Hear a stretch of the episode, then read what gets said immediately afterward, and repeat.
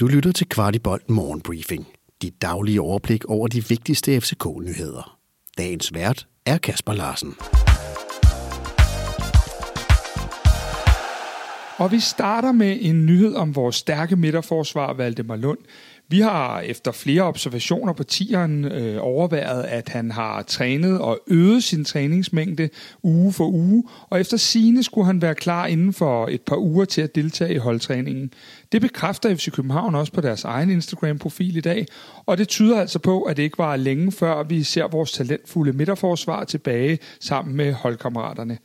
Det skal siges, at vores observationer ude for tierne i efteråret, inden Valdemar blev skadet, var, at han havde taget nogle store skridt, og han nåede jo også at få debuten i efteråret, inden denne her uheldige skade ramte ham. Så held og lykke, Valdemar, med din tilbagekomst, som gerne skulle ske inden længe. Og vi bliver i de gode nyheder. Der er nemlig mere godt nyt for vores skadesituation. Vores skade anfører Carlos Seca er nu efter meget lang tid i sin genoptræning, efter den forfærdelige korsbåndsskade, han pådrog sig i efteråret, ved at være klar. Det forventes faktisk, at Seca inden for et par uger igen kan deltage sammen med de øvrige holdkammerater. Det vil i givet fald betyde, at Jes Torup vil have alle mand til rådighed inden længe, og mens Sækker og før omtalte Valdemar Lund realistisk først er klar på den anden side af sommerferien. Men Velkommen tilbage, Sækker. Gud, hvor har vi savnet dig.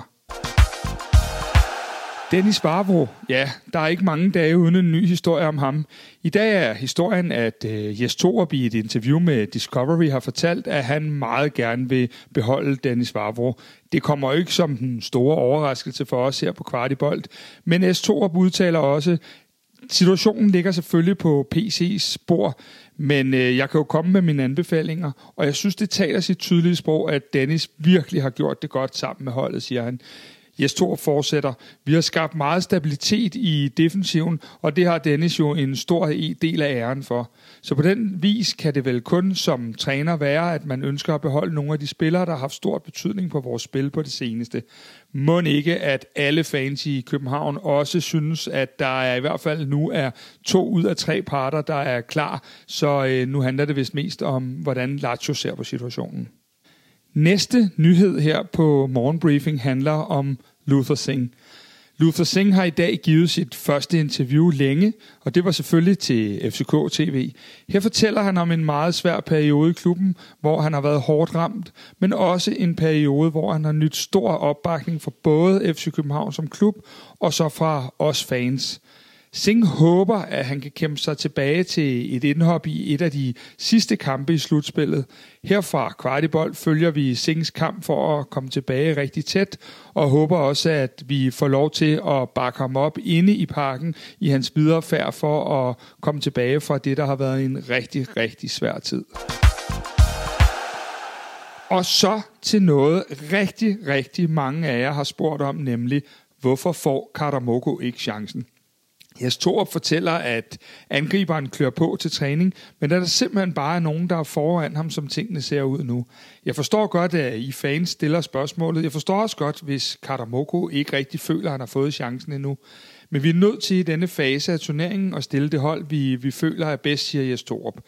Her fra Kvartibold kan vi sige, at øh, når vi ser træning, så ser Karamoko absolut spændende ud, men man kan også godt se, at der mangler øh, lidt endnu i forhold til specielt øh, relationerne med de andre spillere. Så øh, et bud herfra er, at vi nok ikke ser det bedste af Karamoko øh, før efter sommerferien. Her til slut vil jeg lige flage for søndagens nedtakt, hvor vi havde Christian Lønstrup på besøg efter FC Midtjylland sejren.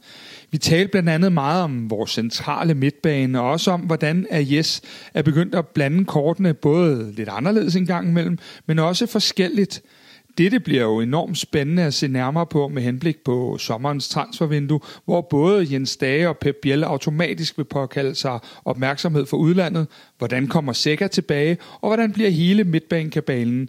Alt det starter vi med at tage lidt hul på sammen med Christian Lønstrup, hvor han også fortæller om, hvor overrasket han har været over at lige pludselig se Rasmus Falk i en styrende sekserrolle bagfra, hvor Lea og, og øh, Jens Dage ligger lidt længere fremme.